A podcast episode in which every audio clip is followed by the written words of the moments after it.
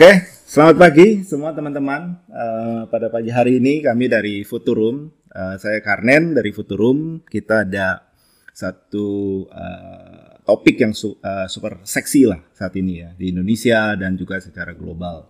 Uh, kebetulan kita juga dapat satu uh, tamu yang super istimewa. Jadi di sini topiknya udah seksi dan kita juga ketemu dengan uh, pembicara yang sebetulnya sangat passionate about this topic. Nah, ini adalah uh, calling all green tech uh, entrepreneur.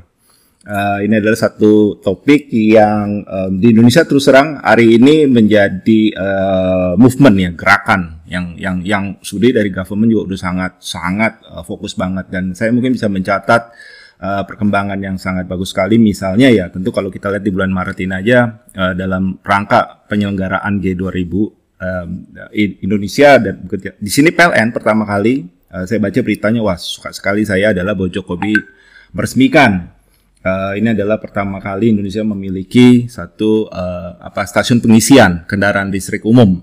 Ada 60 titik tuh. Kita harus bangga juga uh, diawali oleh presiden dan juga BUMN BUMN besar di Indonesia.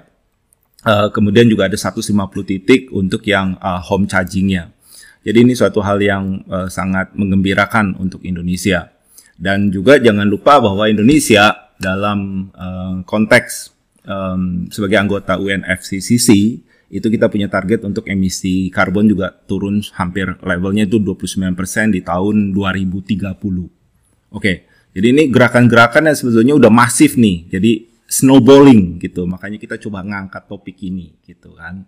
Dan sebetulnya kalau kita lihat US sendiri itu menjadi leader juga di sini. Kalau Anda mungkin baca John Biden itu di, di bulan November 2021 itu baru menandatangani 1,2 triliun USD. Uh, uh, kita membaca sebagai investment in, apa infrastruktur investment maupun uh, job X-nya. Uh, itu terbesar ya, 1,2 triliun ini ada satu alokasi yang besar banget untuk green tech dan itu mencakup juga uh, clean energy transmisi, maupun juga electrical uh, vehicle infrastruktur di US yang nanti. Jadi ini suatu gerakan yang udah masif banget lah. Jadi uh, nah uh, kebetulan uh, Pak Alfred ya ini saya memperkenalkan teman saya ada seorang investor ya jadi memang real player. Kemudian juga beliau adalah seorang yang sangat passionate juga di uh, venture building. Uh, jadi uh, dan juga jangan lupa beliau juga sudah akademisi ya saya juga surprise ya jadi banyak player yang nyata juga di sini akademisi uh, dan uh, beliau adalah pengarang buku. Buku-bukunya juga benar-benar uh, luar biasa gitu. Jadi kita satu kebanggaan banget nih uh, Futurum sebagai yang awalnya kita memang lebih banyak ke edukasi untuk topik-topik corporate finance. Kemudian uh, beralih ke uh, education yang ke startup. Dan uh, kita pikir ya topik ini layak untuk diangkat segera supaya menjadi suatu uh, apa magnet lah bagi teman-teman yang uh, mulai melihat atau melirik. Sudah ini to, uh, sudah banyak sekali pemainnya ya, tapi mungkin nanti beliau bisa cerita lebih banyak lagi untuk kondisi di Indonesia. Uh, kita bekerja sama juga di pagi hari ini dengan LiveNext ya, media partner kami dan kami berterima kasih bisa bekerja sama dengan LiveNext ya. Mudah-mudahan ini bisa menjadi suatu kolaborasi yang positif dan sehat bagi ekosistem startup di Indonesia. Oke, okay, uh, tidak berkepanjangan, saya silakan waktu uh, kepada Pak Alfred untuk cerita. Saya tahu Pak Alfred sudah banyak sekali di kepalanya. Uh, oh jangan lupa saya ingin uh, menceritakan juga satu hal nih, karena pagi ini saya ingat, waduh sepertinya Pak Alfred itu identik dengan blog blognya adalah Ideotopi, Ideotopi, uh, Idiotopedia. I don't know how you call it. Uh, Idiotopedia. Jadi itu satu blogging yang sangat menarik, isinya daging semua ya, beef, Uh, jadi uh, in English ya jadi uh, uh, if you love that uh, I'm I'm, I'm uh, super fans daripada tulisan itu. Saya praktis banyak membaca tulisan beliau. Memang membutuhkan waktu.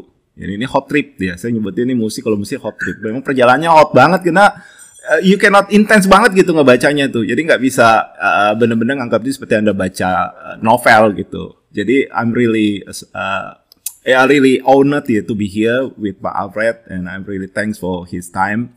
Uh, Saturday morning, we learn something from Pak Alfred. Okay, I give the time, Pak Alfred. Uh, all the, uh, you can uh, mix English and bahasa because yeah. Pak, Pak Alfred itu feel uh, karena ini ya, can I talk in English? Go ahead, I think, because I think, uh, okay. Our, yeah, okay, go ahead. Thank you, Pak. Ya, I mean, uh, good day semuanya ya. Uh, terima kasih kepada uh, saya ucapin kepada Futurum, terutama Pak Karnen dan tim yang telah memberikan kesempatan buat saya tuh bisa sharing tentang topik uh, green technology uh, entrepreneurship.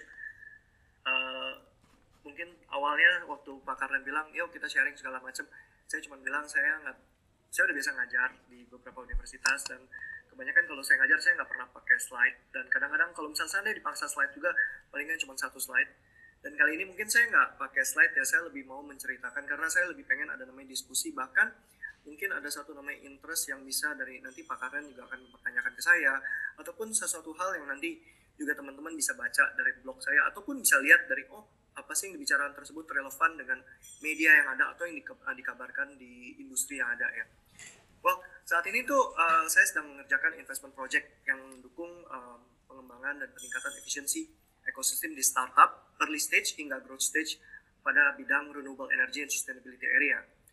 Uh, di mana tuh uh, saya melihat potensi pertumbuhan yang menarik banget di area ini, sehingga bisa diharapkan untuk bisa menjawab pertanyaan tentang green transformation di Southeast Asia. Ya, in particular di sini adalah saya akan coba ngomong fokus ke uh, Indonesia ya sebagai negara kita ya. Nah, mungkin seperti yang um, teman-teman pernah dengar ya, kalau pemerintah Indonesia tuh berusaha, seperti tadi juga Pak juga ngomong, berusaha untuk membawa pertumbuhan dan kemakmuran bagi rakyatnya. Namun, dalam implementasinya, pemerintah tuh sadar kepentingan pertumbuhan uh, yang continuable tersebut untuk kemampu, uh, kemakmuran uh, jangka panjang. Jadi, uh, dalam hal ini, terutama untuk konsep green technology, which is adalah uh, mengarah ke infrastructure, it's it cannot be uh, in short period of time. It takes some time. Maka konsep green economy yang saya maksud itu adalah yang digalakkan oleh pemerintah itu adalah konsep untuk yang uh, diklaim mampu bisa meningkatkan kesejahteraan dan mencegah kerusakan lingkungan. Nah, konsep itu apaan sih sebenarnya? Uh, well, oke, okay. menurut environmental program dari uh, United Nations PBB ya, green economy itu adalah basically untuk tar target low carbon, power efficiency, dan social inclusive environment. Tadi makanan juga menyebutkan mengenai low carbon, tapi sebenarnya banyak di luar itu juga yang somehow uh, relevan seperti power efficiency karena kembali ke uh, existing legacy yang ada dan juga social inclusive seperti halnya uh, job creation, diversity, disability dan lain-lain. Ya. Dan juga uh, ada juga pertumbuhan lapangan kerja dan pendapatan yang somehow didorong oleh investasi dari publik dan swasta yang sangat mendukung gagasan uh, yang tadi saya ngomongin ya. Well dengan kata lain bisa dibilang investasi yang diarahkan pada infrastruktur dan aset yang memungkinkan pengurangan emisi karbon dan polusi serta energi, energi efisiensi itu sangat didukung uh, programnya ini. Uh, Oke, okay. Uh, green energy itu basically melibatkan konsumsi dan produksi yang uh, bisa dibilang continuable dan sustainable serta efisiensi sumber daya yang mem, uh, uh, dan pembangunan yang berkelanjutan. Nah, konsumsi dan produksi yang continuable tersebut bertujuan untuk basically meningkatkan uh, produksi yang somehow berguna men, uh, uh, mengurangi timbulnya limbah dan konsumsi energi yang berlebihan. Hmm. Lalu efisiensi sumber energi tersebut tujuannya untuk apa? Untuk mengurangi jumlah eksploitasi sumber energi dan emisinya dan jumlah limbah yang dihasilkan per unit produk atau perlayanan suatu produk dan service. Oke, kembali ke green economy Nah, maksud dari fokus pengembangan green tech yang ada itu harus sejalan dengan tujuan pembangunan lingkungan seperti halnya perubahan iklim, climate change ya, uh, pengendalian kerusakan keanekaragaman hayati dan pencemaran lingkungan serta juga penggunaan um, renewable energy in the ecosystem. Hmm. Well, mengembangkan uh, green energy sering kali itu basically sejalan dengan pembahasan green investment. Tadi uh, Pak Kanan juga udah berkali-kali ngomong mengenai oh pemerintah ikut Pak Jokowi udah uh, udah apa tuh uh, mengembangkan um, apa tuh uh, mengadakan promosi campaign mengenai hal tersebut. Lalu sebenarnya apa sih sebenarnya yang dimaksud green investment tersebut? Oke, okay, mungkin saya sharing sedikit ya mengenai ini ya. Green investment itu adalah basically suatu kegiatan yang fokus pada perusahaan atau proyek suatu investasi yang basically itu berkomitmen untuk uh, konservasi sumber daya alam, produksi, dan penemuan new alternate renewable energy seperti halnya uh, uh, pelaksanaan uh, project clean air, clean water, kegiatan investasi ramah lingkungan dan lainnya ya. Nah, hal-hal ini tentu berbeda dengan investment in e-commerce atau fintech yang somehow kemarin-kemarin ini menjadi suatu hot topic di dunia bisnis. Uh, again, back to 15 years ago ya, mungkin kita tahu ya bahwa e-commerce atau fintech itu masih market yang nascent.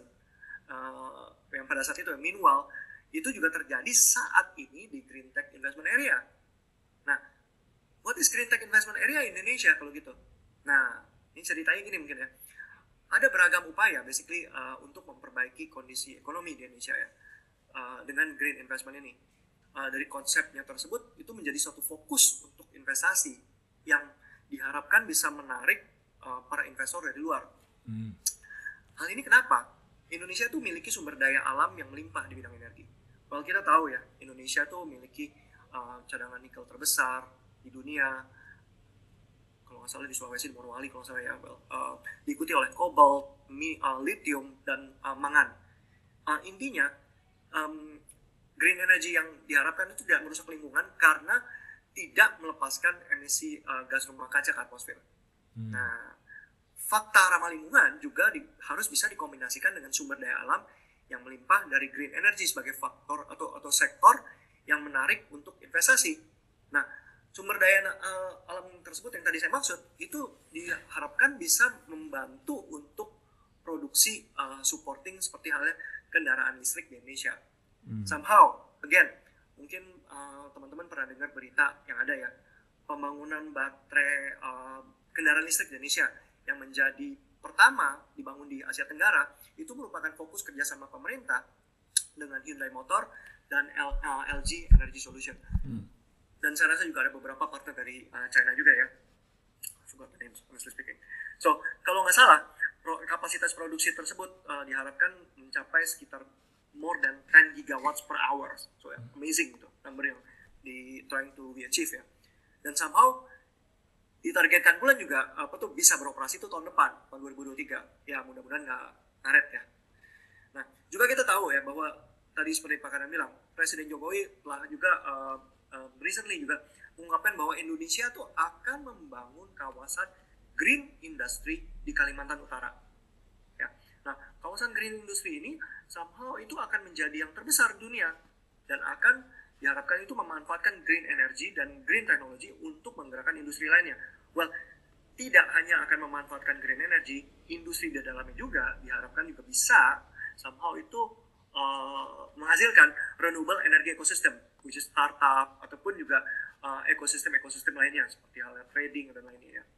Nah, kawasan ini itu um, uh, ya mengandalkan tek, um, tenaga air which is hydro ya yang dibangun oleh PT Kayan Hydro Energy. Kalau nggak salah mereka ada di sekitar Malino, Malino, Malino Tarakan Kalimantan Utara. Yang kebetulan juga foundernya juga adalah kawan saya. Dan menurutnya itu proyek ini diharapkan dapat membantu transisi Indonesia dari ketergantungan fosil fuel dan penggunaan lebih banyak uh, renewable energy pada pembangunan infrastruktur yang ada. Ya. Pada saat ini masih fokus untuk Kalimantan ya, dan saat ini uh, istilahnya uh, marketnya masih pelet. Nah, dengan daya tarik tersebut maka diharapkan banyak investor itu mau berinvestasi di sektor ini. Potentially juga akan mendapatkan keuntungan mulai dari kemudahan sistem perizinan, uh, insentif fiskal dari pemerintah, dan juga again mudah-mudahan bukan cuma uh, wacana doang, karena untuk membangun ini perlu ada namanya potensi uh, kolaborasi multi helix antara pemerintah, industri, akademi, dan juga komunitas. Well, oleh karena itu, pada kesempatan ini saya juga pengen uh, istilahnya trying to attract ya teman-teman uh, inovator ataupun entrepreneurs untuk mulai berpikir dan bersemangat agar bisa menemukan inovasi di ekosistem green technology. Um, ya, yeah, why the traction is can be like that? Karena selama beberapa uh, tahun terakhir ya, um, bisa dilihat ya dari luar dari US ataupun dari negara-negara berkembang miliaran dolar tuh telah diinvest ke dalam beragam banyak uh, startup green energy bahkan perusahaan-perusahaan uh, sepertinya konvensional oil and gas itu mulai berdalih untuk shifting doing the investment in the alternate uh, new economy yang menunjang energi sepertinya uh, fast charging uh, electricity seperti yang di, uh, diinvest oleh Total dan Shell ataupun uh, uh, solar panel dan lain-lainnya ya. Namun uh, ini ada ada ada ada ada ada sesuatu yang intrik yang mungkin juga kalian juga bisa uh, aware. Dalam beberapa tahun terakhir ini pula jumlah uang yang masuk ke area renewable energy area somehow itu turun drastis jatuh sebagai bagian invest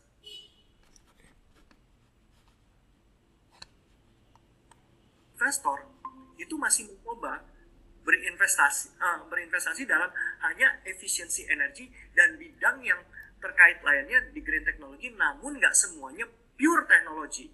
Masih ke lain ekosistemnya seperti halnya in uh, fintechnya, which is kayak crypto, terus segala macam, logistik atau area penunjangnya dulu, bukan dari core-nya. Nah, selama beberapa tahun terakhir ini pula banyak ragam daripada green energy startup yang dikaitkan dengan readiness investasi ini yang mulai bermunculan karena fokusnya mereka bukan pada saat core um, green technology atau green energy, tapi lebih ke arah ya tadi logistiknya atau segala macam. Nah, penurunan pendanaan uh, basically yang ada oleh venture capital, private equity ataupun government investment program somehow mempengaruhi inovasi dan mengurang mengubah basically ya uh, arah industri yang uh, ada gitu ya. Well, tujuan saya di sini sebenarnya adalah untuk uh, mencoba memberikan uh, awareness atau menyoroti pentingnya modal investasi untuk mempercepat pengembangan green energy. Sederhana saja ya, analisa saya itu uh, saya coba fokus untuk pada shifting innovation process dan saya uh, berencana untuk menyoroti dampak potensial dari green technology ini sebagai suatu aspek teknologi dan prosedurnya.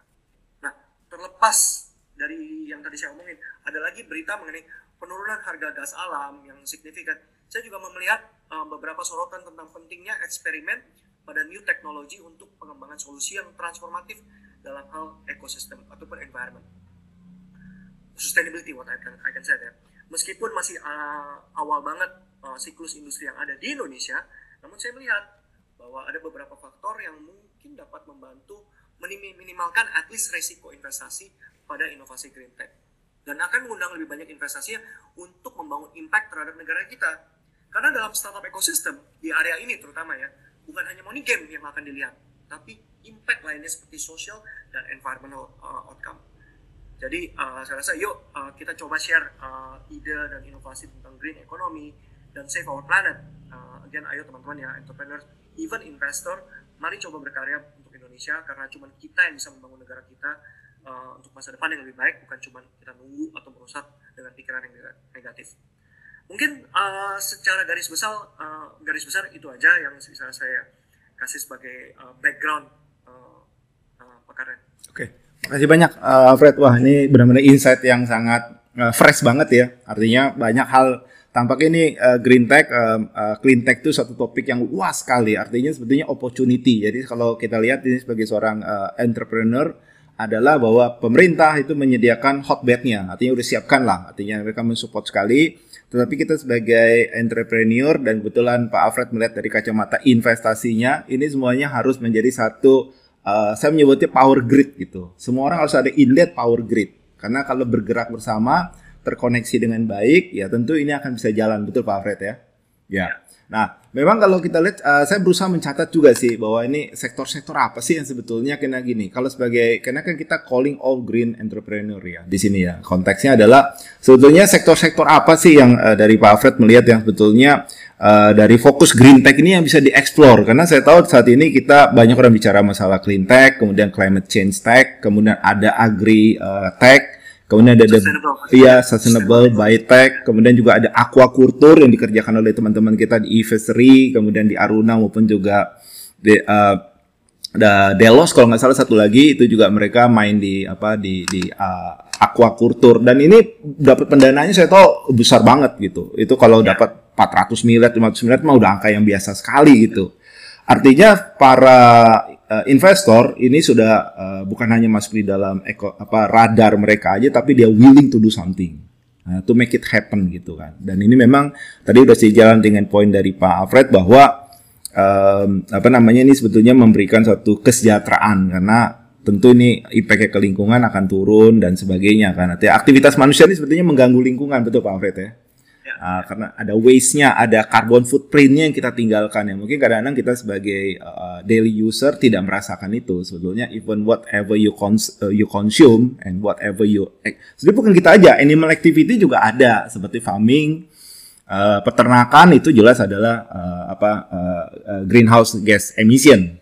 Uh, jadi uh, teman saya ada juga di sana dan kita ngobrol ya mereka mulai sekarang memilah makanannya tuh Pak Alfred supaya uh, apa greenhouse gas emissionnya itu tidak setinggi saat ini. Nah, sektor-sektor apa nih Pak Alfred yang menurut Pak Alfred tuh oke okay, welcome lah karena kalau kita bicara kan ini calling all green, uh, green tech. Nah, tapi saat ini saat inilah kalau kita anggap top 5-nya ya mungkin Pak Alfred bisa bilang wah ya, you, you just look at this first gitu. Oke, okay, uh, okay. ya oke. Okay. Ya.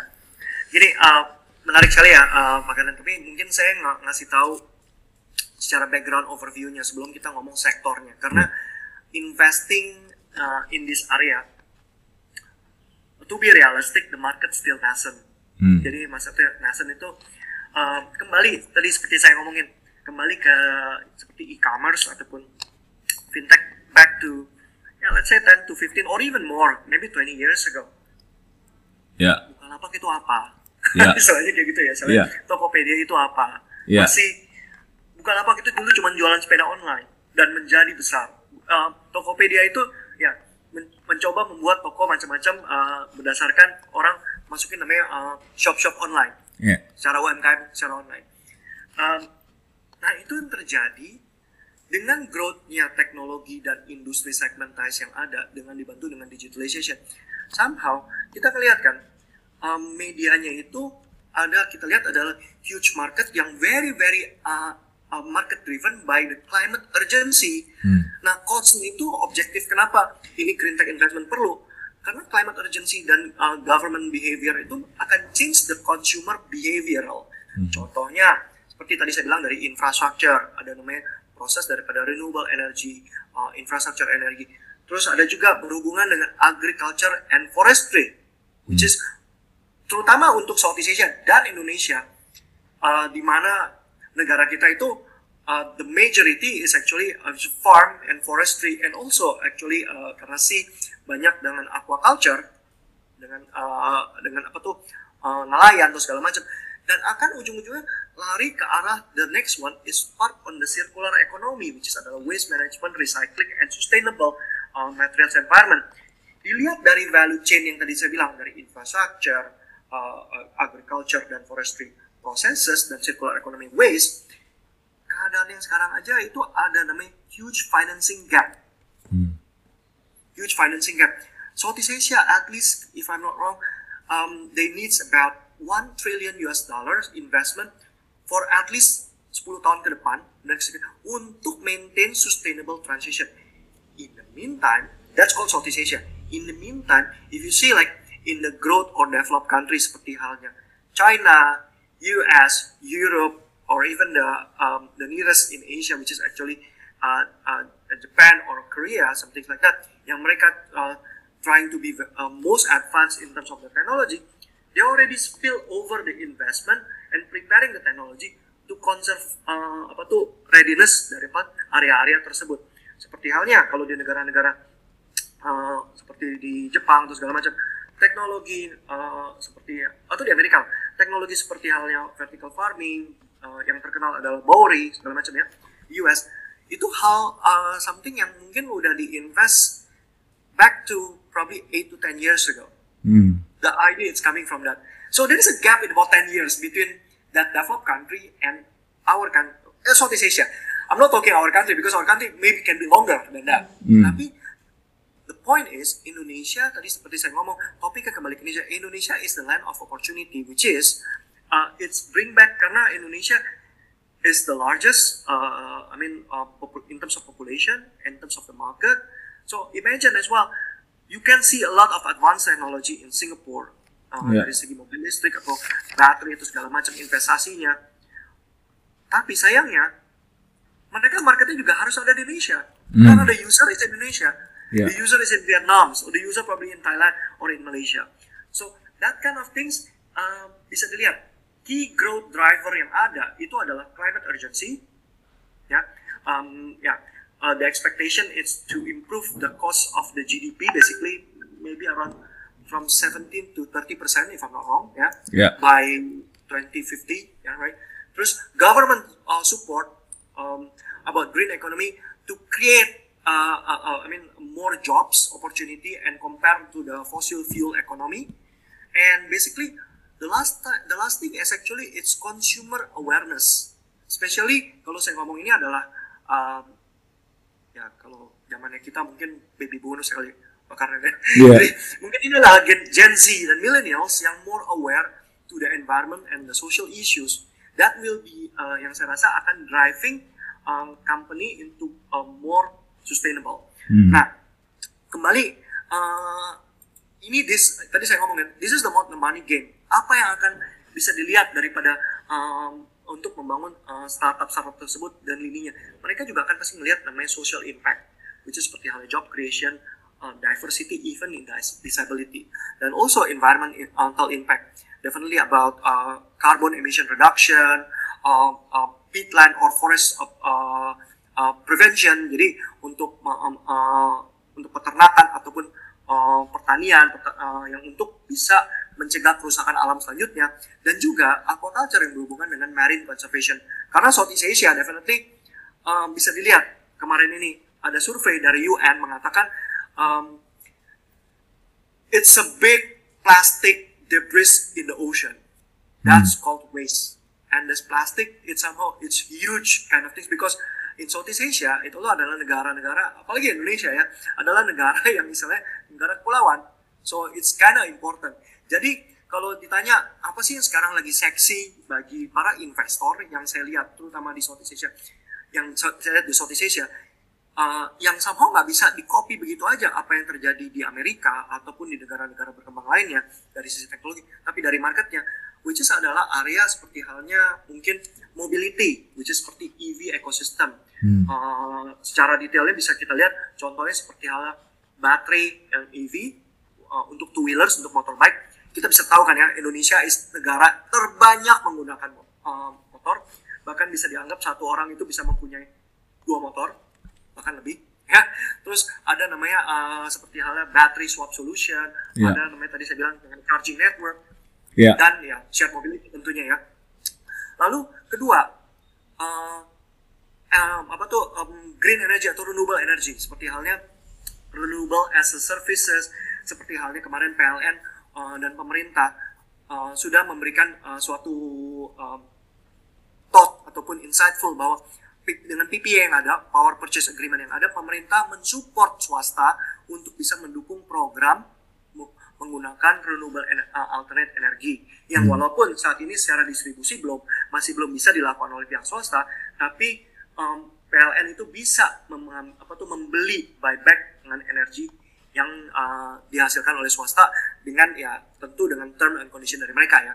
Yeah. Terus energy storage dari Universal Battery Pack yang seperti pemerintah dengan melalui IBC-nya uh, membangun akan membangun standarisasi baterai yang ada terutama untuk potensi ekosistem mobil listrik ya ataupun renewable energy financing. Di satu sisi lagi yang berhubungan dengan energi tersebut adalah energy management system atau grid tech, grid technology seperti halnya uh, full uh, uh, EMS Energy Management System uh, monitoring. Maksudnya apa ya? Karena nextnya itu PLN itu nggak bisa secara konvensional grid itu make oh ini hanya untuk Jawa loh, ini hanya untuk Sumatera loh. Nggak, karena kekurangan tuh ada di mana-mana. Hmm. Nah, bahkan in the future if it possible it akan terjadi namanya energy trading solution which is P2P energy trading. Hmm. Nah, in extent daripada energy value chain yang tadi ada, Kenapa saya ngomong cuma ada tiga macam di bagian daripada green energy tersebut? Karena saya nggak nyentuh ke upstream energy. Upstream energy itu apa? Upstream energy itu adalah mining dan sourcing ya, seperti maksud saya. Karena mining itu lebih banyak dikuasai negara dan lebih banyak dikuasai the big industry. Sedangkan ekosistem yang bisa dilihat itu adalah downstream. Hmm. Nah, in the meantime, in the bigger ecosystem sebagai namanya uh, uh, apa tuh uh, uh, kolaboratif ekonomi lainnya itu adalah sustainable seperti halnya tadi yang pakar yang bilang ada namanya agriculture technology. Di situ bisa dilihat contohnya seperti halnya vertical farming uh, novel foods seperti halnya plant based lab ataupun alternatif protein. Banyak loh alternatif protein yeah. controllable uh, environment agriculture dan bahkan tadi yang makanan bilang juga aquaculture. Yeah. nah yang kedua dari sustainable yang menarik itu adalah uh, waste management. Ada waste management service recycling collection ataupun bahkan seperti halnya nanti kita ngomong brown energy atau waste to energy. Hmm. Dan yang terakhir yang saya lihat uh, dari sustainable yang akan menarik itu adalah novel materials. Karena Indonesia itu is a large of the environment and natural resources. Yang saya lihat mungkin ada namanya, namanya seperti halnya smart materials, smart glasses, self healing uh, uh, concrete or or any kind of uh, any kind of recyclable uh, daripada uh, bio uh, sustainable materials lah seperti halnya straw, uh, gelas atau segala macam yang mungkin banyak perusahaan-perusahaan besar seperti halnya kayak Starbucks atau McDonald's trying to aware they cannot use more plastic. Hmm. Nah, ini saya rasa akan menjadi suatu hal yang membangun apa sih industri-industri itu yang akan berkembang dari downstreamnya energi dan sustainable. Nah, strateginya itu akan membuat suatu namanya the living ecosystem cycle. Hmm. Nah gitu Pak. Sorry jawabnya kepanjangan. Oh iya nggak apa-apa kita senang sekali justru ini um, apa kalau saya bisa uh, coba mengingat-ingat ya karena uh, Pak Alfred ini memberikan kita banyak sekali poin-poin ya. Bahwa berarti kalau kita lihat memang saat ini uh, gerakan ini ya movement ini snowball ini memang fokusnya berarti uh, pengelolaan limbah ya Indonesia ini waste-nya ya kita udah sering uh, baca banyak sekali ya Uh, kita penghasil limbah sebetulnya. Jadi limbah dari Jakarta aja itu luar biasa besar banget. Dan sebagian besar sebetulnya itu recycle, dan dia end up di TPA uh, eh, Bantar Gebang. Yang seperti ini jadi suatu hal yang sudah di negara-negara tertentu saya dengar bahkan di US di settle itu kalau untuk yang seperti food waste itu udah nggak bisa dibuang ke trash bin. Ya tapi di Indonesia kita masih melihat uh, banyak. Memang tadi ada hal yang sangat menarik ya dari Pak Alfred. Dia bilang sebetulnya we disrupt the society behavior jadi kalau kita bicara masalah disruption sebetulnya juga kita perlu disrupt uh, society behavior because ya ini sebetulnya uh, tentang manusia betul ya Pak.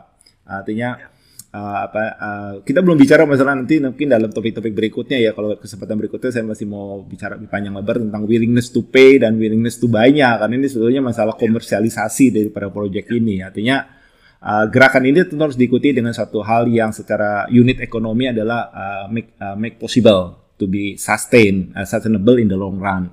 Jadi pertama adalah pengelolaan limbah tadi saya catat uh, di kepala saya, wah ini memang topik yang banyak mulai pemain yang main, masuk ke limbah ya Pak ya, tapi memang agak fragmented kita lihat di sini juga belum ada suatu gerakan yang orchestrated banget ya dan setiap provinsi tampaknya berusaha main sendiri.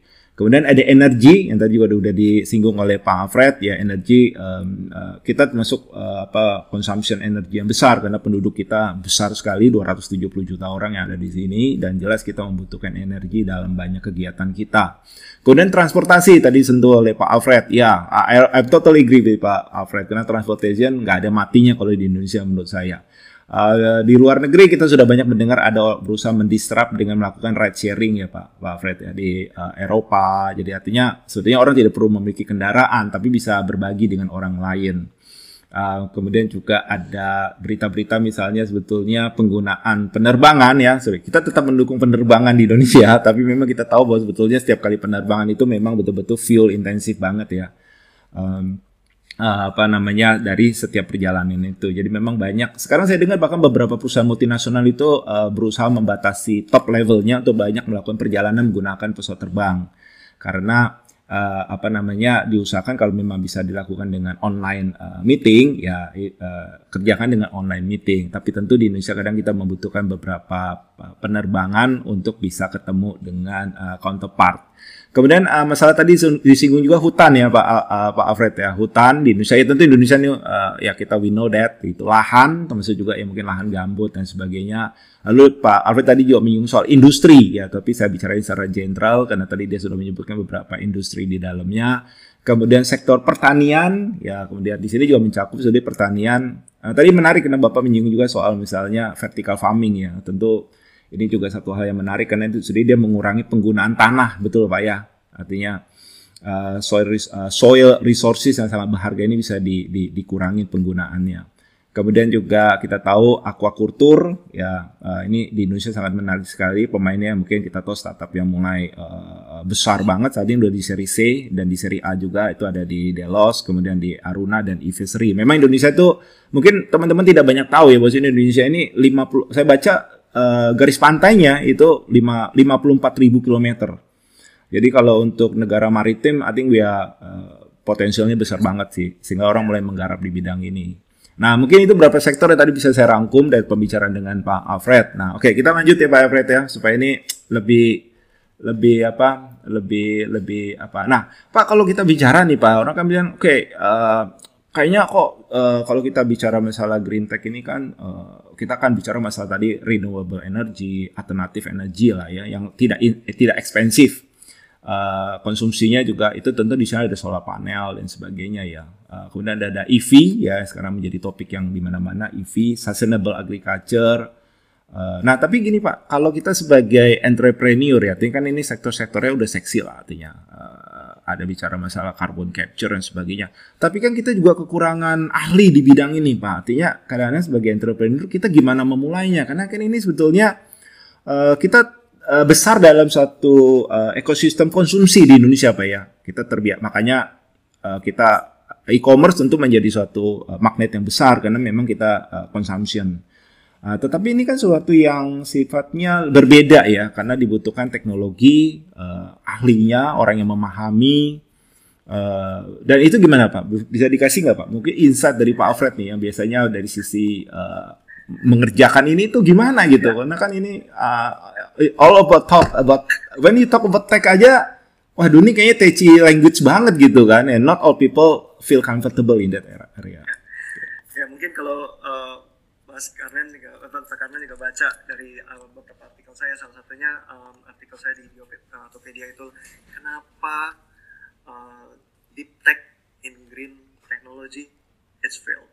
Hmm. Nah, mungkin eh, mungkin saya menjelaskan ini menjawab kalau untuk Indonesia sebagai negara emerging country uh, uh, apa tuh kita lihat ya negara kita uh, dari segi demografi dari segi social culture dan dari segi edukasi itu bukan dibilang ketinggalan tapi belum merata. Hmm. Jadi itu yang maksudnya saya bisa bilang penggunaan di teknologi itu kenapa tidak bisa uh, ngopi plug blak lah istilahnya istilah secara fit and proper uh, dari negara-negara berkembang. Yang tadi saya sudah gambarkan ya, ada namanya huge gap can be more than 10 years from the developed growth country to the emerging country uh, seperti halnya Indonesia.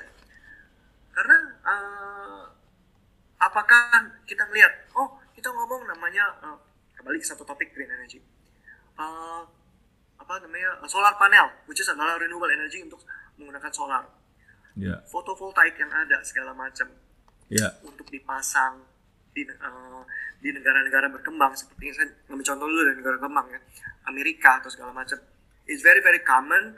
The place is already being there the expert is already being there from the university, right? From the industry all juga disupport uh, uh, juga. Terus um, from government juga disupport memberikan ada yang namanya insentif dan macam-macam. Lalu saya coba kembali. Itu apa yang terjadi di negara berkembang. Teknologi makin bagus dan segala macam. Tentu harga akan considerable segala macam. Tapi bayangin, teknologi tersebut coba dipindahkan ke Indonesia. Hmm. Satu, market secara edukatif kita masih belum merata. Yeah. Government masih mencari pola regulatori yang ada. Yeah. Industri masih menganggap program tersebut istilahnya kalau kalau untuk energi hal yang baru, jadi mereka ya, pasti akan nggak mau mem, uh, mengkanibalize legacy yang ada pasti tentunya, tapi juga mereka akan mencoba mendoing cost efficiency karena untuk mendoing cost efficiency harus benar-benar cost efficiency bukan merubah semuanya. Yeah. Karena kenapa? Teknologinya tersebut juga masih berkembang. Tadi saya bilang kayak EMS atau energy management system baterai yang ada lagi contohnya. Ya. Itu masih teknologi-teknologi lama, which is adalah dry battery, which is lithium lithium ion. Walaupun sekarang ada namanya menggunakan besi, ferro atau segala macam yang jauh lebih murah uh, dan teknologi. Cuman kan itu kan considerable jauh lebih berat atau segala macam dan tidak environmental pure environmental hmm. clean Hmm. Ngerti ya? Yeah. Di satu sisi juga, di satu sisi juga apa tuh uh, selain yang saya tadi saya bilang itu juga ada kejadiannya juga istilahnya pada saat kita memasang itu juga ujung-ujungnya kan bukan namanya um, apa tuh providernya kan, tapi usernya juga. Nah usernya juga masyarakatnya juga belum siap. Nah ngapain kita memasang teknologi satelit di daerah yang literasinya rendah, misalnya begitu. Itu satu hal yang bagi saya, kenapa saya bilang uh, justru kalau kita mau memanfaatkan green green technology itu bukan hanya dari teknologinya doang, tapi dari impact dan kita harus bisa memakai teknologi tepat guna. Hmm. E-fisheries itu jauh banget sama namanya Boweries yang ada di, di US dari segi teknologi environmental yang segala macam. I know that things karena dulu saya saya pernah nge-review proposal dan teknologi daripada e-fisheries juga kebetulan. Yeah. Ya, jadi kalau kita ngomong namanya, oh kita akan manage environment aquaculture ya dengan IoT segala macam. Yes, that's a conceptual. That's what I can say. Tapi mereka kenapa bisa raising capital? Karena the market is big. The Yeah. fish is in here. Ya, You understand, right? ya. Interesting. Jadi, kalau saya eh, jadi this is the opportunity. Makanya saya bilang kita harus memanfaatkan teknologi tepat guna yang di mana teknologi tersebut bisa dipakai. Contohnya dia lebih membuka banyak ya location point of presence daripada farm fisheries yang ada Hmm. dan memanage daripada fisher, uh, fishes yang ada tersebut untuk bisa lebih healthy, lebih environment uh, culture yang waste-nya bisa didaur ulangkan kembali. Nah, that's kind of environment. Di satu sisi juga kalau kita ngomong namanya tadi uh, Pak Karen, ya saya tadi juga nyebut seperti namanya vertical farming. Oh teknologi yang menarik karena that's controlled environment Hmm. dengan menggunakan IoT teknologi, uh, menggunakan climate, manage climate atau segala macam ya, di mana bisa diatur juga tentu nutrisinya daripada uh, plantation yang akan ditanamkan di vertical farming tersebut Iya. akan tetapi sekarang saya tanya untuk mengubah tersebut yang 90% istilahnya mata pencaharian yang orang-orang yang ada di Indonesia itu adalah pertanian dan nelayan yang harus digantikan dengan vertical farming dengan investasi yang tentu bisa 10 atau 100 kali lebih besar daripada apa yang mereka udah keluarkan cuman berdasarkan cangkul ataupun bajak doang Hmm. Nah, ini akan menjadi suatu challenge. Nah, tentu nggak bisa dari user doang, makanya harus ada namanya edukasi dan pro- program pemerintah itu sudah mencoba membuat apa tuh membuat banyak hal uh, undangan-undangan dan mencoba memapping apa tuh what is the best practice. Makanya nggak bisa cuman pemerintah doang yang jalanin, asosiasi doang yang ngejalanin, uh, akademisi doang yang pinter-pinter tapi secara tahu secara teori. Mereka harus harus ada namanya kolaborasi dalam dalam hal namanya multi helix including startup ecosystem. Yang saya rasa karena saya banyak terima proposal investment ya jadi dari entrepreneur segala macam. Yang saya rasa um, para istilahnya para entrepreneurs atau inovator bukan saatnya dan zamannya lagi itu untuk berkompetisi tapi mereka harus bisa dapat berkolaborasi untuk membangun ekosistem yang jauh lebih besar dan lebih berguna karena prinsipnya bagi saya itu adalah reach bukan competition Hmm. itu mungkin jawaban saya pak Wah, luar biasa tuh. Betul, saya setuju banget sama Pak Alfred terus terang ini satu uh, pemikiran yang menurut saya super komprehensif ya karena kita butuh sebetulnya rumah pemikirannya dulu nih. Jadi sebetulnya uh, thinking premise-nya harus betul Pak ya.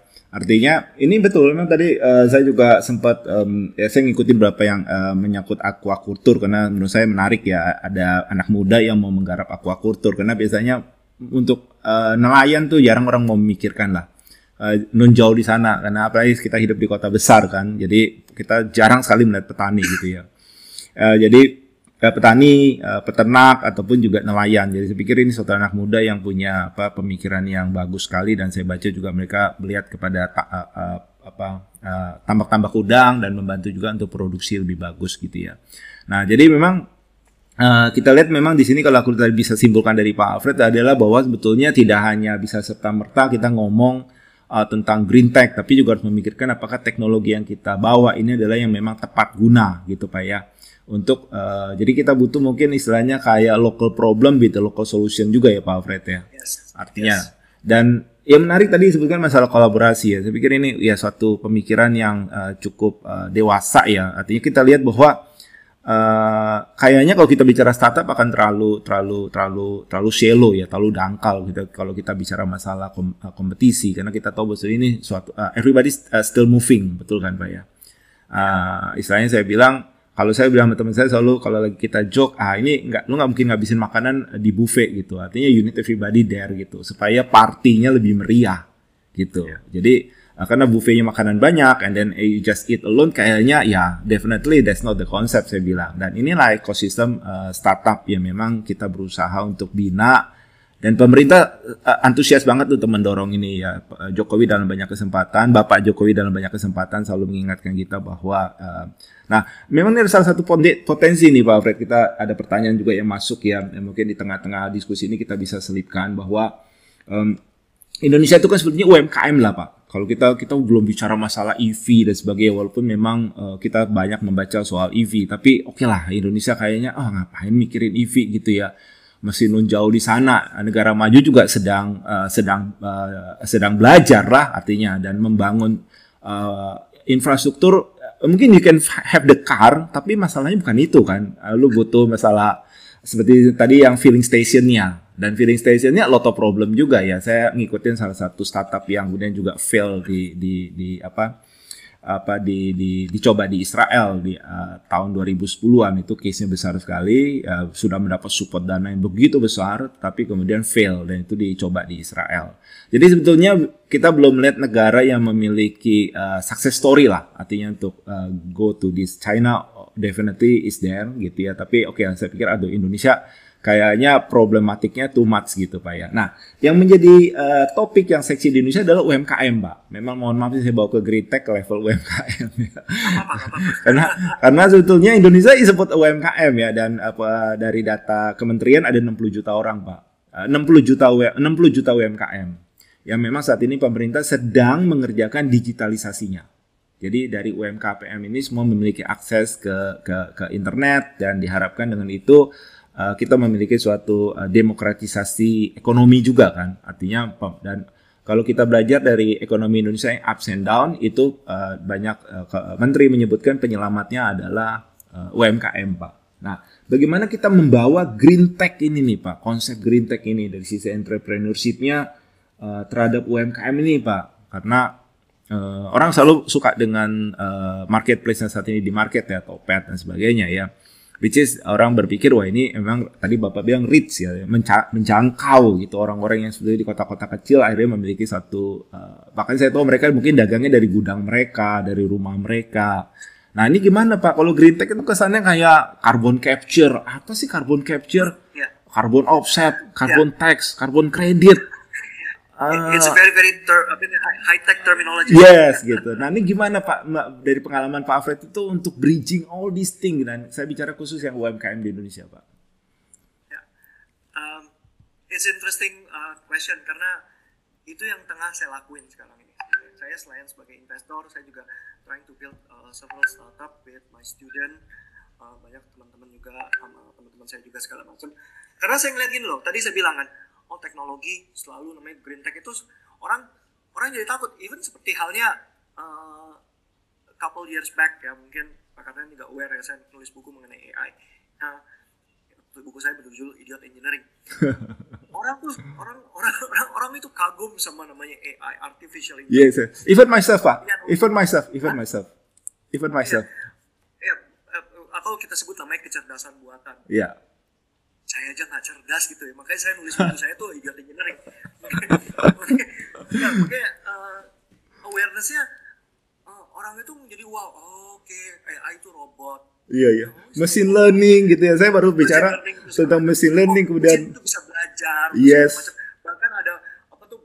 Ya mungkin Pak Karnen sendiri menggunakan smartphone ya karena dulu pernah saya di perusahaan salah satu perusahaan uh, high tech yang di bidang teknologi mobile juga. Yeah. Um, apa tuh uh, pada bilang oh ini adalah AI teknologi kamera eh sorry saya jawab karena kenapa? Karena that's only marketing gimmick. The same thing in green technology. Kita jangan sampai ke drop dalam hal teknologi terminologi tersebut. Hmm, yeah. Saya bahkan tadi saya bilang kan dalam hal energy value chain itu adalah namanya upstream energy sourcing, downstream itu adalah energy generation, transmission and distribution. Yeah. And the last part is the ecosystem which we call it uh, sustainability. Sustainability seperti hal yang tadi saya cerita, ada tiga area yang besar, which is adalah agriculture, waste management, dan novel materials. Yes. Nah, saya justru mulainya itu ngelihat kalau untuk tingkat UMKM, banyak sih sebenarnya contohnya, saya nggak mulai dari core teknologinya dulu, tapi saya ngelihat dari circular yang ketiga, hmm. which is adalah alternatif ekonomi, yeah. which is saya lari dari safe, uh, sorry, dari waste management. Ba bank sampah di Indonesia itu banyak banget pakarnya. Hmm. Iya, betul. Itu banyak dilakukan oleh UMKM. Yeah. Banyak dilakukan oleh banyak program-program pemerintah. Kecil, kecil, kecil, kecil, kecil, silo. Iya. Silo. Nggak berjalan dengan baik. Program tertentu satu tahun pertama bagus, dua tahun pertama mulai melarat, tahun ketiga tutup. Iya. Ataupun jadi. Iya. Ya.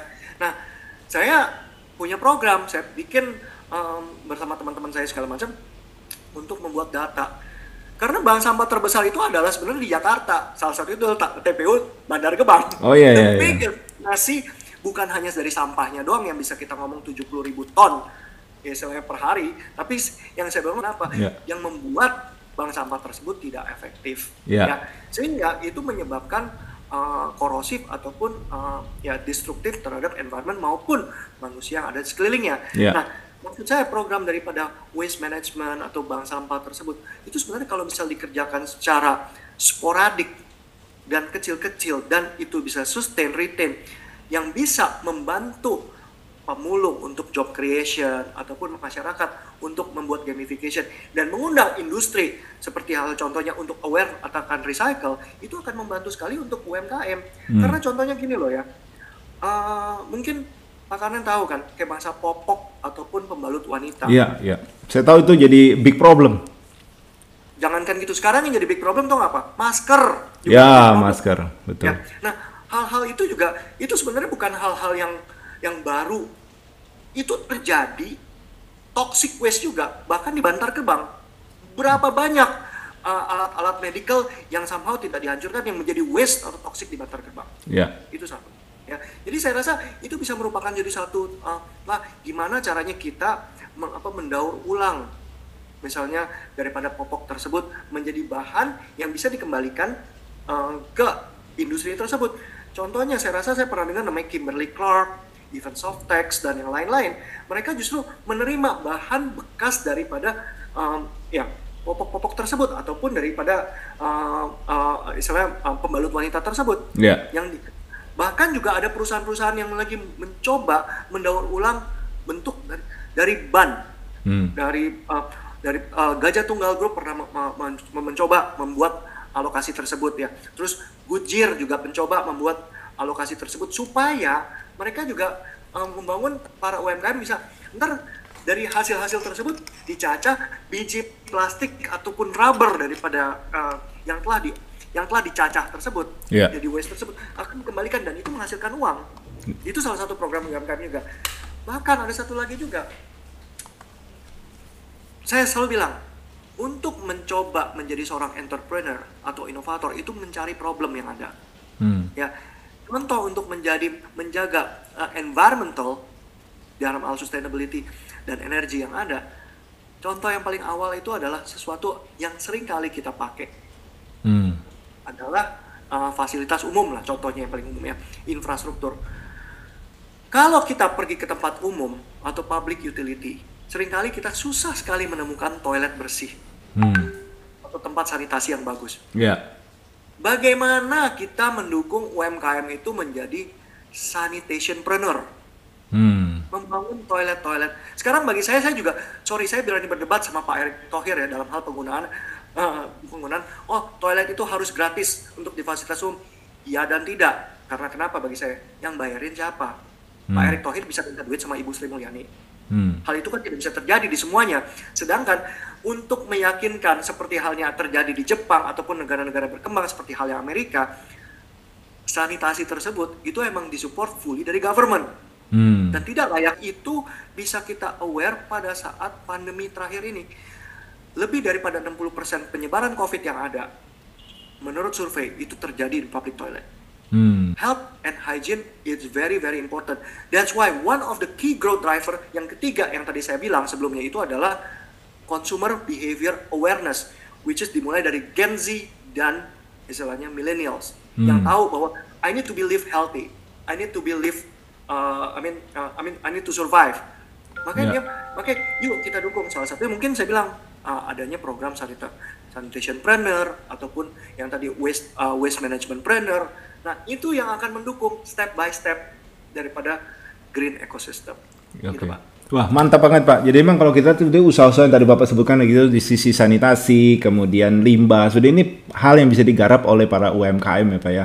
Karena Ya. sebetulnya problemnya is there uh, dan memang sebetulnya udah saatnya juga untuk bergerak. Jadi UMKM tentu tidak harus nggak harus teknologi advance. Oh iya iya betul betul betul. Karena sebetulnya kita nggak bisa berpikir UMKM hanya sebatas di trading gitu ya. Karena biasanya kita selalu berpikir UMKM itu seperti warung yang orang kemudian punya usaha-usaha kecil bikin kerajinan dan sebagainya. Tapi sebenarnya kalau aku lihat ini sebetulnya suatu suatu suatu entrepreneurship yang kita katakan adalah impact ya Pak, ya. memiliki impact.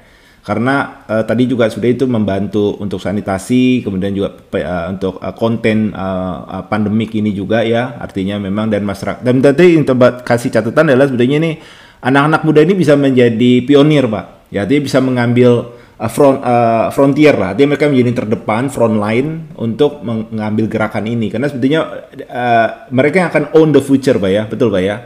Dan definitely uh, dengan kondisi yang lebih sehat lingkungan dan uh, itu tentu akan membantu mereka untuk beraktivitas lebih baik di masa-masa depan. Nah, ada pertanyaan juga yang masuk nih Pak. Memang waduh ini waktunya cepat sekali ya. Tadi saya saya saya pikir satu jam itu cukup lama ya Pak Alfred.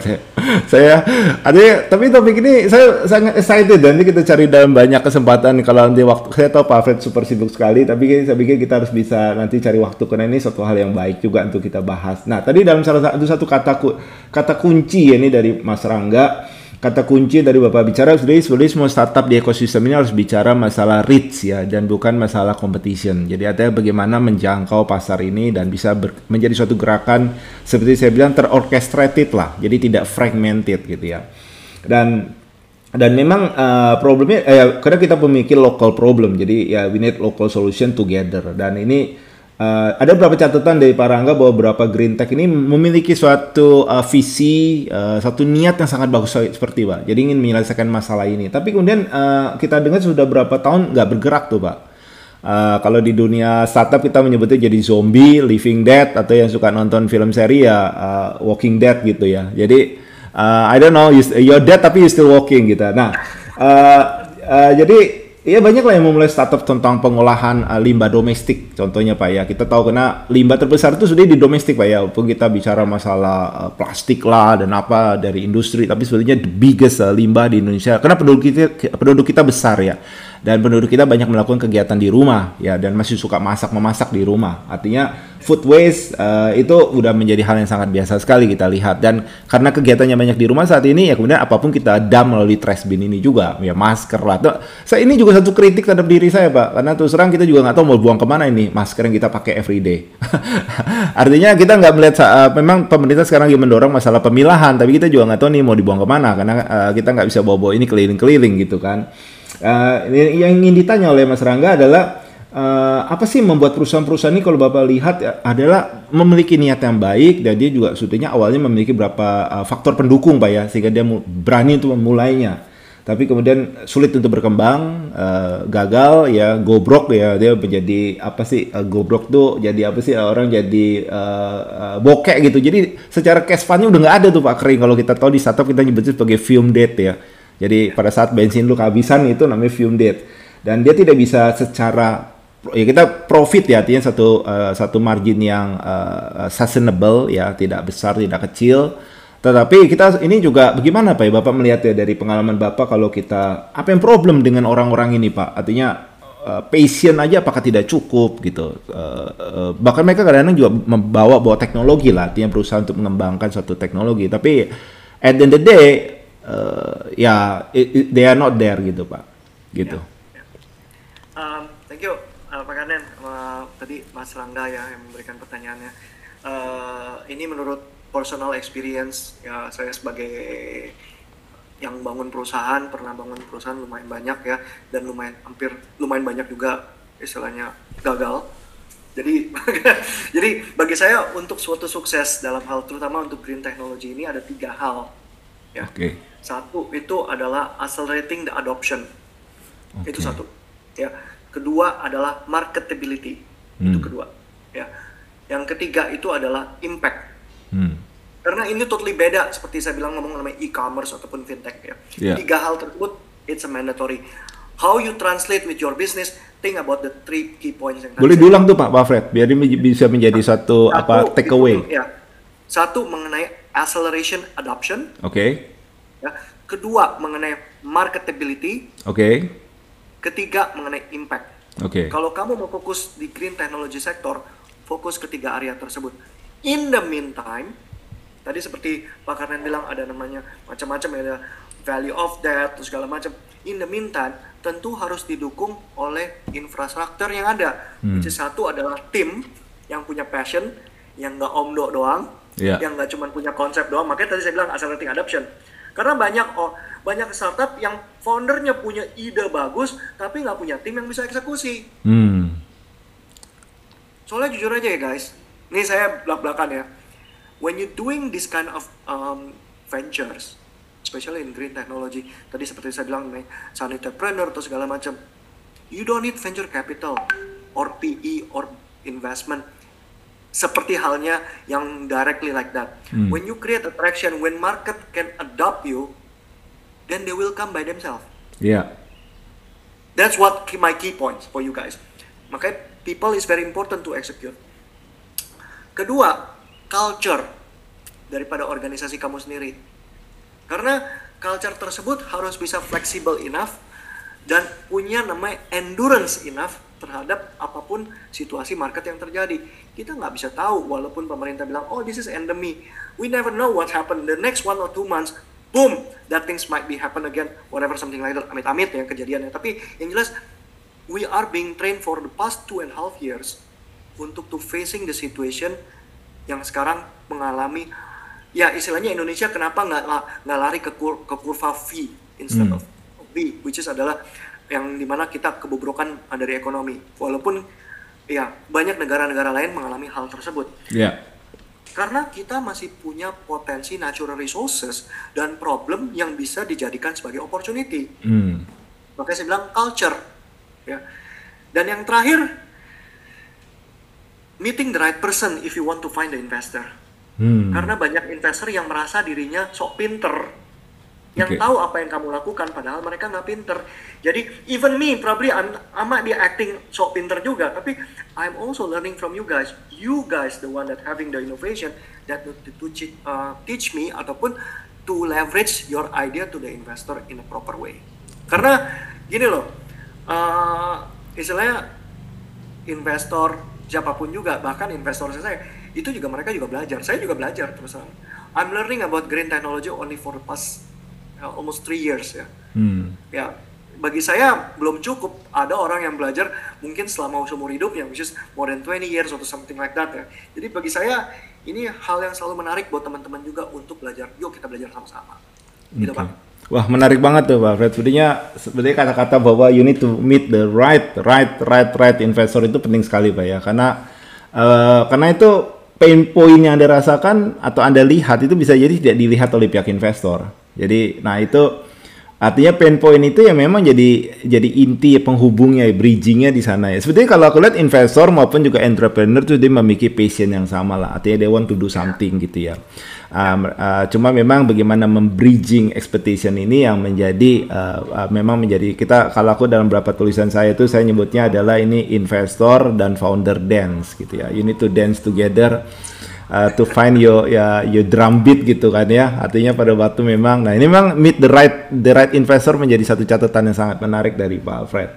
Oke okay, jadi ini um, Oh, saya pikir ini udah satu jam nih Pak Alfred. Ya memang sesuai dengan uh, tema kita memang sebenarnya kita juga nggak mau mengambil waktu terlalu panjang ya karena ini memang uh, chat session yang hanya sekitar satu jam lebih ya, ya jadi kita regular dari Futuro mengadakan ini. Um, mungkin nanti Uh, terima kasih banyak nih Pak Fred dan mungkin sebelum kita tutup ini apakah dari Pak Fred ada beberapa uh, takeaway yang mungkin bisa dari dirangkum? Saya tahu Pak mungkin tulisannya banyak juga sih ya mungkin teman-teman. Kalau yang nggak punya kesempatan tinggal baca aja.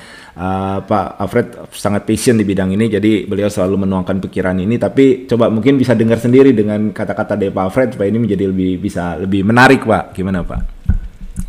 Uh, saya selalu nulis di mas sebagai penutup uh, di hampir semua artikel yang saya tulis ya artikel itu kebanyakan curhatan doang ya jadi saya selalu nulis disclaimer bahkan di penutupnya saya selalu bilang bahwa the future is already here just not evenly distributed yet so enjoy the journey uh, stay positive and stay healthy itu mungkin kata-kata saya. Oke, okay. terima kasih banyak nih Pak Alfred. Jadi memang kalau kita lihat ini Green Tech ujung-ujungnya memang akhirnya kita mau ada satu uh, satu uh, masyarakat ya populasi dunia yang memang lebih sehat Pak ya.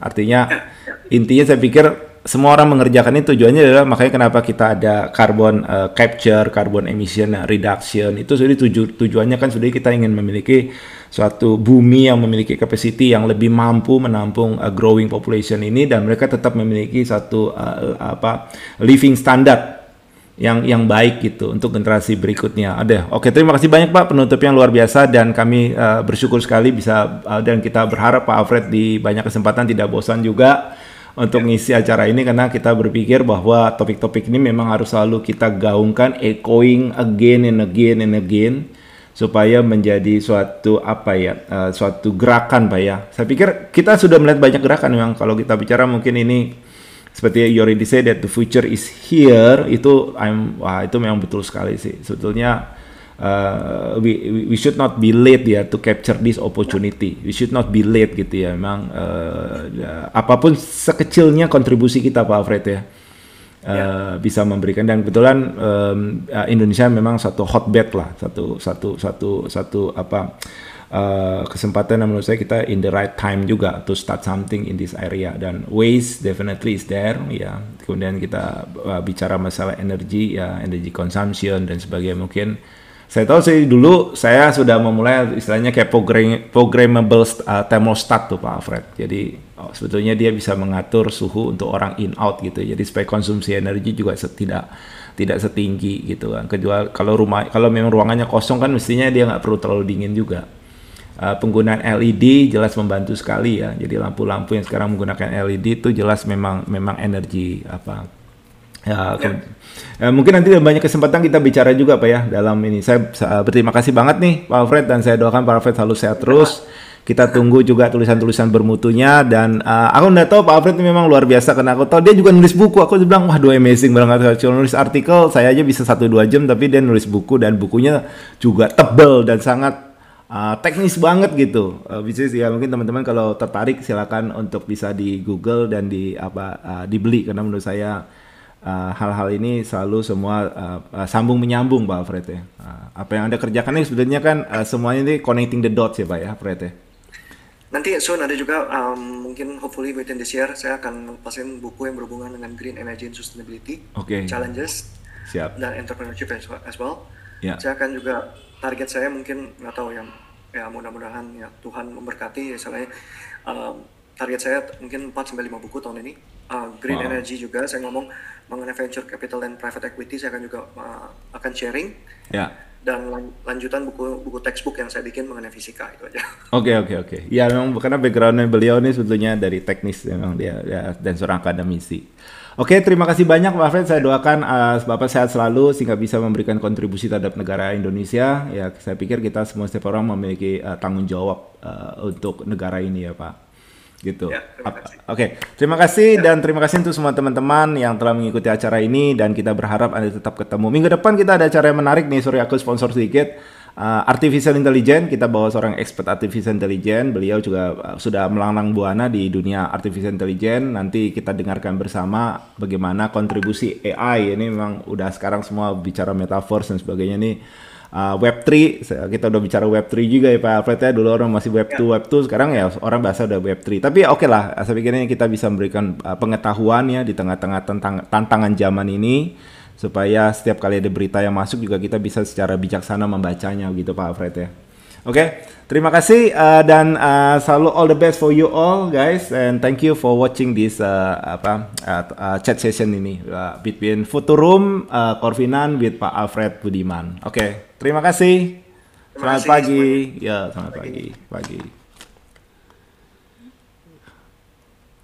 Dan ya. Ya, ya. Dan oke. Okay. Thank you. Thank you ya, Pak ya. Alfred. Pak Thank you semuanya. Yo, yo, yo. Ya, Sorry kalau ada salah kata juga. Oh, enggak apa-apa, enggak apa-apa. Ya, ya, thank you.